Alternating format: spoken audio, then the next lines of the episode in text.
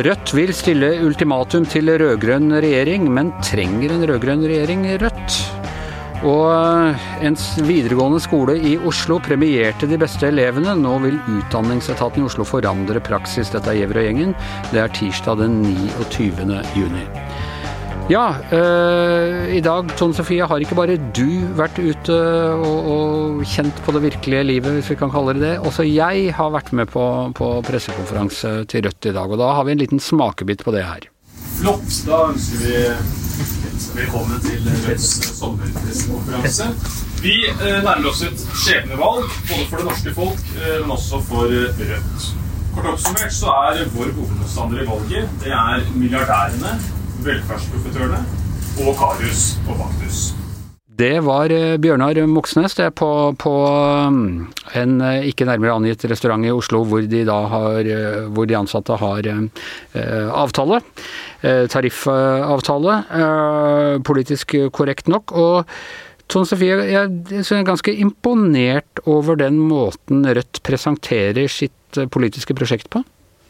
Ja da, det er et uh, særdeles uh, tydelig parti. Uh, de, de, snakker jo egentlig i slagord, vil jo nesten jeg si. Det høres litt ut som Bjørnar Moxnes sitter i et panel på en eh, skoledebatt. Det er mye Det er milliardærer, det er profitører, det er direktører og mafia eh, som man bruker og, og sugerør i statskassa. Men, men, dette er jo Akkurat nå er jo ikke dette bare klisjeer. Altså nå etter hele, nå kommer hele dette koronaoppgjøret og hvordan håndterte vi og, og, og, sånne ting. Og vi sitter alle her og frustrerer oss over bl.a. Norwegian og, og bonuser og offentlige midler som har blitt brukt på det. Tror du ikke dette resonnerer mer i år enn det kanskje ville ha gjort ved andre valg? Jo, det tror jeg det gjør. og Nå tror ikke jeg det er liksom hele bildet etter koronaen at uh, Eh, profitører og milliardærer har eh, berika seg. Det er nok ganske mange små og mellomstore private eh, næringsaktører som har tapt masse penger og vært fortvila, men Ja, men desto mer urettferdig? Ja, ja, ja det er et ganske sånn broket bilde av konsekvensene av koronaen, men jeg tror f.eks.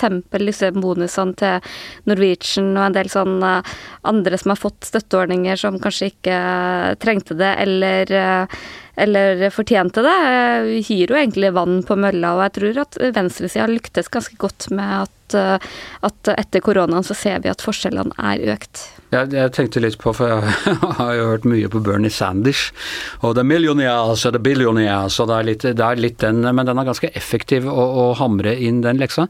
Men det som kanskje jeg tenker som er øh, det mest imponerende når du er egentlig et sånt øh, parti som Rødt, som er, liksom, ble starta av nystalinister på, på 70-tallet, og sånn, eh, så har du så lett for å bli sånn totalt. Du skal, du skal gjøre om alt. Du eh, Det blir Det har alltid vært et problem for dem hva skal man gjøre parlamentarisk, men nå har de noen tydelige prosjekter, og et av dem er jo da at de vil gå inn for eh, grad, eller offentlig finansiert tannhelsetjeneste. Som er på mange måter en av de siste reformene fra det gamle sosialdemokratiet som ikke ble ikke ble gjennomført. Og jeg tenker at det er en ganske mye sånn tydeligere Så kan være for eller mot et tydeligere prosjekt enn f.eks. den der varme skolematen til, til SV og Arbeiderpartiet.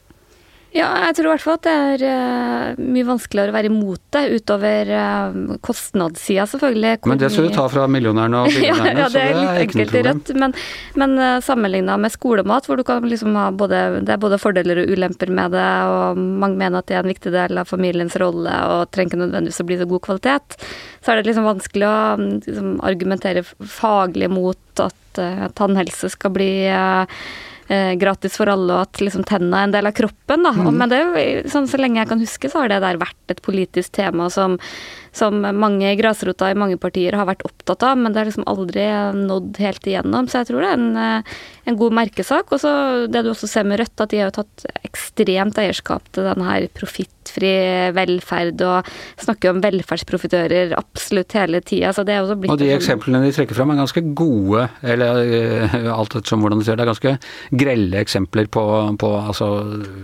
aktører som får masse offentlig støtte, og som tar ut uh, overskudd og bonusordninger og jeg vet ikke hva. Ja da, det, jeg hørte han snakka om Var det Stendig-mafiaen var vel et uttrykk han brukte om uh, det er vel en tilbyder av barnevernstjenester, om jeg ikke husker feil. Og det, det er jo en del den type aktører både innenfor barnehage og Men uh, det, det, er vel mer nyanser knytta til privat Ja, jeg må vel si at nå er ikke Stendy-mafiaen til stede her, så de vil nok For å forsvare seg? Ja, Nei, så det er vel noen nyanser om offentlig versus privat uh, som uh, kanskje blir litt ikke helt tilstedeværende når Bjørnar Moxnes snakker, må det være lov å si, men, uh, men han er definitivt veldig effektiv kommunikator, og, og, og, det merker du også veldig godt på meningsmålingene, så er jo Rødt det partiet som over, over tid ligger best an av disse sperregrensepartiene. og Så tror jeg mange, mange har tatt liksom for gitt at de kommer til å falle når valget kommer og ikke havne over sperregrensa, men det er slett ikke sikkert. De kan få en ganske stor gruppe på Stortinget. Nei, og det er jo klart at når politiske journalister samles på den måten som vi, vi da var, hele, hele, den gamle klassen min, holdt jeg på å si, av, av politiske journalister var der i dag. Og én uh, ting er sakene, men det man jo er opptatt av, er jo da uh, kjøttvekt og sammensetninger og det som blir det politiske spillet. Og det var, det var uh, Alstaheim fra vår, kollega i Aftenposten som fikk stille det spørsmålet. Vår frenemy. Vår frenemy i Aftenposten som fikk stille det spørsmålet som jeg tror uh, naget plaget alle, for de holdt på uh, Moxnes holdt på at han ville ikke være dørmatte, og så sier, uh, sier Alstaheim på klassisk vis at uh, hva de ikke vil ha dere som dørmatte engang. Og hvis disse meningsmålingene som Moxnes selv var veldig opptatt av, som viste at de kunne gjøre det såpass bra, slår til, så betyr det at Rødt kommer til å gjøre det bra, men de er jo ikke nødvendige for å sikre et rød-grønt flertall. Og, og, hva skal de? Skal de bare sitte her som verdens liksom, sånn mest passive og, og, stemme for egne forslag som blir nedstemt, eller hvordan skal de sette makt bak kravene? Nei, jeg, jeg, var vel ikke der uh, Moxnes hadde de beste svarene heller, men uh, det han, i hvert fall hans teori var at dersom ikke uh, Vedum og Støre, som han snakka om hele tida som en sånn tohoda troll, eh, lytta på han, så kom velgerne til å forlate dem til fordel for Rødt. Det var liksom uh, Så da vil det bli et problem ved neste valg ja, igjen, da? Det, bli, det ja. hørtes litt sånn ut. Men, men, men, det man jo ikke vet, det er jo uh, valgresultatet. Og uh, i dag så ser det ut til å være et solid rød-grønt flertall uten Rødt og MDG for den del også. Men det som mange tror, er at det kommer til å bli tettere i valget, og at man eh, eventuelt kan bli avhengig av eh, Rødt på vippen. Og der er jo både Arbeiderpartiet og Senterpartiet har vært ganske tydelige på å betakke seg, og for dem er det veldig viktig sånn velgertaktisk, for, særlig for Senterpartiet, å, å skape inntrykk av at de kan havne i lomma på Rødt er ja, særdeles dårlig uh, velgertaktikkeri for dem, da. Og så viste jo Rødt nå akkurat her i hovedstaden at de er villige til å stemme for et mistillitsforslag fra Fremskrittspartiet eh, mot en rød-grønn byregjering, i hvert fall. Tror du de vil kunne gjøre det i, eh, i en landsregjering også? Ja, det, det, vet vi jo ikke. De, ha, de, har, de, har, vært langt unna å være i en sånn situasjon. Og Rødt er jo det partiet på Stortinget som er eh, rausest med å dele ut sånn mistillitsforslag og stemme for det, men det er, liksom, det er jo lettere jo lenger unna man er politisk. Ja. Eh, så, men eh, Moxnes sjøl viste jo til Sverige, hvor Venstrepartiet, som jo er ja, liksom mellom SV og Rødt, da vil jeg kanskje kalle det i, i, eh, i norsk målestokk, eh, har jo gjort det nettopp her i vekka. Og, og han var jo helt tydelig på at hvis ikke vi får liksom vårt og hvis ikke samarbeider, så, så skal vi være tøffe og stemme mot. Absolutt, og jeg tror nok mange har fått en litt sånn vekker av det som skjedde i Oslo, at, eh, at Rødt ikke uh, finner seg å være en uh, dørmatte, da, og ikke sånn Mange har liksom tenkt at fordi Rødt er liksom så ytterparti på venstresida, så har de ingen andre veier å snu seg, så de kan liksom ikke annet enn å holde seg for nesten og, og støtte Støre eller Arbeiderpartiet eller hvem det nå er. Men det har de jo vist at det aksepterer de ikke. Nei. Så får vi bare se om, om de kommer i en sånn posisjon hvor, hvor, det har noe selv å si hva de måtte mene. Uh, vi skal til en uh, annen sak. Uh, i Aften, Aftenposten nå i helgen så var det en jente ved Nydalen videregående skole, tror jeg det var, i, i Oslo, Shazia, som sto fram og fortalte om hva skal si, følelsen hun hadde ved skoleavslutningen hvor hun selv, så vidt jeg skjønte, hadde holdt tale, og hvor det etterpå ble delt ut noen boksjekker på 1000 kroner hver til de to flinkeste elevene ved skolen. Og dette sto altså, dette innlegget ble publisert for et par dager siden, og nå, nå skal Utdanningsetaten i Oslo øh, se på om de skal forandre praksis. Det var jo kalle eh, et raskt resultat av en, av en meningsytring i det offentlige rom. Ja, virkelig. Her må man virkelig ha tenkt at oi, oi, det kan vi ikke ha noe av. Eh, utdanningsetaten eh, trekker jo, ser det ut som, i nødbremsen. Nå skal jo de vente til et rektormøte i høst, da, men eh, de, de, sier at de føler veldig på at nå trenger vi å snakke om det og vurdere hva vi skal gjøre. Men hva, hva er det som er så galt her? Altså, de to flinkeste elevene på skolen har fått en sjekk på 1000 kroner så kan gå og kjøpe seg noen bøker på en bokhandel. Og vi snakker, det, er ikke, det er ikke barneskolen dette, det er videregående skole, folk på 19, 18, 19, nesten 20 år. Var ikke det en ganske nerdete premie for øvrig? jo, veldig. veldig. Nei, det er jo um, Det er jo veldig merkelig det her. fordi at vi har jo alltid på en måte premiert de elevene med best karaktersnitt ut av videregående skole. I hvert fall uh, har jeg uh, Jeg husker det fra min tid. Ja, Ble du premiert på skolen? Jeg ble ikke premiert, men det ble Altså ikke premiert, men altså at du får anerkjennelse. Ja. Altså det, det med at det er en eh, boksjekk på 1000 kroner Jeg vet ikke Jeg kan se at akkurat det med pengepremie kan være litt eh, vanskelig for folk å fordøye, men vi har jo alltid anerkjent. Eh, I hvert fall her i Oslo, hvor jeg har gått, så var det sånn i min tid. Og det var sånn med sønnen min, som gikk ut eh, for noen år siden. Nå var jo min yngste russ i år, eh, men der fikk ikke vi foreldre være med, så jeg vet ikke helt hva som skjedde pga. korona. så fikk ikke være der. Han hadde nok jo, sagt fra om han hadde fått 1000 kroner, tror du ikke? Han hadde vel sagt fra om han hadde fått 1000 kroner, tror du ikke? Ja, ikke, han, er, han, han er ikke der. Men poenget er at vi har alltid, og jeg syns vi skal fortsette å anerkjenne de som uh, utmerker seg, når vi gjør det på så mange andre felt. Altså, det Dette her er jo voksne mennesker. Eh, og dette skjer på siste dag, skoledagen, i en 13 år lang utdannelsesreise.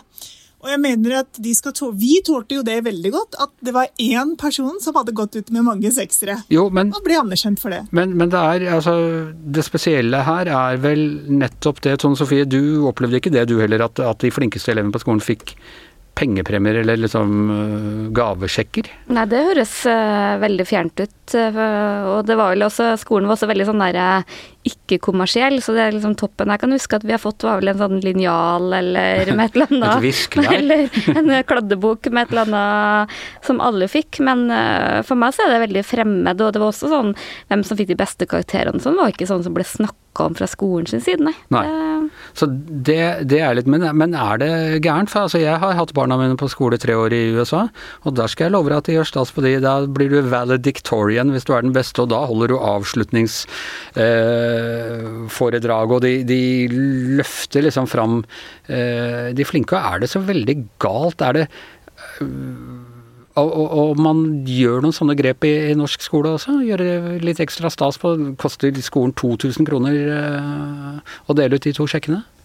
Jeg slet i hvert fall om å bli veldig rysta over det. Eh, men det jeg kanskje ønska meg, var at man har verdsatt liksom større deler av prestasjoner. For i hvert fall det jeg husker når det ble gjort stas på elever, var eh, f.eks. da vi hadde sånn idrettsdager og stafett og alt det der. Det var jo ikke måte på premiering av de flinke og de dyktige. Eller også litt sånn de som var veldig flinke med musikk og sånne ting, fikk liksom alltid opptre og sånn. Men det å være sånn god i geografi eller matte eller noe sånt, det var litt sånn uh, nerdete greier ja. som ikke skulle uh, fremheves i min tid, da. Men, uh, Men på idrettsdagen, og du, altså det beste du fikk var et sånn lite blikkmerke som var malt med gullmaling eller noe sånt. Det var ikke, noe, det var ikke noen reell verdi i det. Nei, men det var i hvert fall mye premiering av prestasjoner på en helt mm. annen måte, men skoleprestasjoner så, så, så, jeg tror kanskje en, en mer sånn sunn tilnærming til det ikke skader, da. Det er i hvert fall den virkeligheten som møter deg straks du er ferdig. I, på, på, denne videregående skolen her, da, så var det ikke bare Det var ikke bare den flinkeste liksom, med høyest karaktersnitt som fikk, da. Det var også andre som fikk, eh, for andre ting. Hva slags ting da, f.eks.? Som har markert seg på en annen måte, det husker jeg ikke. Det, det står i den breaking-saken vi har på forsiden okay. av VG akkurat nå, men det var ikke bare karaktersnitt. Jeg husker jo det med min egen sønn for to-tre år siden, at Der fikk jo vedkommende med høyest karaktersnitt ble ropt opp på scenen på Chateau Neuf, en svær sal med hundrevis av elever og foreldre. Eh, ble, navnet ble ropt opp, kom på scenen, fikk en blomst. Ja. En rose. ikke sant? Og det er jo også en stor anerkjennelse. ikke sant? Ja, ja. Eh, Og så var det også da eh, eh, en annen ung dame som fikk samme anerkjennelse for eh, hvor viktig hun hadde vært da for elevene. Jeg husker ikke hva det var. Ildsjel eller et eller annet. Det er sånne ting som vi også har i VG. Ja. Altså jeg, jeg bare Det er jo litt sånn at alle som går i skistafett når de er åtte år, får en medalje. Så må, enten må alle få, eller så må ingen få. Det, blir, det også syns jeg på en måte blir litt um, rart, da. Men jeg er kanskje litt sånn hva skal jeg si, skadet av min, mine tre år på barneskole i Pakistan. Hvor uh, man kåret da uh, førsteplass, andreplass og tredjeplass fra første klasse. Ja. Ja, og det, det skapte stor prestasjonspress, det må jeg ærlig innrømme. Men jeg tenker at i dette tilfellet Jeg forstår den, eh, den eh, argumentasjonen om at det, det kan være med å bidra til å øke prestasjonspress. Eh, men jeg tenker ærlig at de som går ut med høyest karaktersnitt på en videregående skole med flere hundre elever, de er så i en klasse for seg selv at de på en måte markerer seg veldig uansett, da, og har alltid blitt på en måte løftet. Og at vi skal være rause. Men kunne vi, kunne, vi, kunne vi hatt en egen klasse med idealtidkarakter, sånn Sofia? At du- den som treffer nærmest snittet på skolen også får en eh, tusing? Eh, Eller takke seg til eh, premiering av Stilleste gutt på Sovesal 1. Ikke sant? Ikke sant? Ja. Nei, det er Jeg, jeg klarer ikke helt Altså det, er en, det er en sånn prinsipiell ting. Bør skolen bruke i det hele tatt penger på premiere? Er ikke karakteren i seg selv øh, øh, en god Premie nok. en premie nok, ja. Men samtidig så kan jeg klarer ikke å synes at det er så helt forferdelig Uh, hvorfor det skal være så forferdelig for de som ikke får pris. Fordi når du er 19 år, så må du jo være klar for at samfunnet uh, er ikke 100% rettferdig, og alt går ikke på, på idealtid uh, fremover. Noen som er uenig med meg i det? Jeg tenker jo at ehm, jeg, tror at jeg tror nok at pengepremier er en saga blått i Oslo nå. Det tror jeg faktisk, fordi Ja. saken har fått så mye oppmerksomhet. Men jeg syns også at ehm, eh, personlig at jeg syns det er feil å, å ikke være rause nok til å anerkjenne det ene mennesket som har vært så sinnssykt god. Altså, det må vi kunne tåle hvis vi klarer å tåle at noen løper fortest. Ja. Eller går fortest. Men det er jo en sånn årvis eh, debatt, eh, for det ser du alle aviser eh, hver vår, har jo disse intervjuene med de superstudentene som har bare seksere og massevis av seksere og sånn, så Så vi i mediene lager ja, ja, men det er sånn Ja. eh, Så jeg, jeg tror ikke akkurat at de elevene ikke får anerkjennelse og blir sett, for å si det sånn. Så, men samtidig så må vi også tåle det, for jeg tror alle som har elever som sitter og vet hva som venter dem hvis de med karakterkrav og, og sånn, så er det liksom greit å, å vite det, da.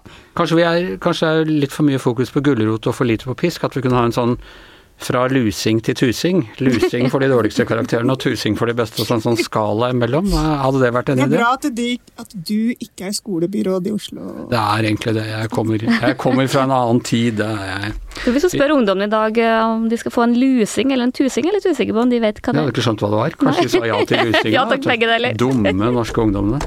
Ok, eh, med det så tror jeg at eh, Giæver og gjengen har brukt opp saklighetstiden sin for i dag i hjemmestudio. Shazia Mahid her i studio med meg, Tone Sofie Aglen. Jeg heter eh, Anders Giæver, og vaktsjef, produsent og tekniker i alt i ett i dag er Ingeborg Huse Amundsen. Vi høres igjen i morgen.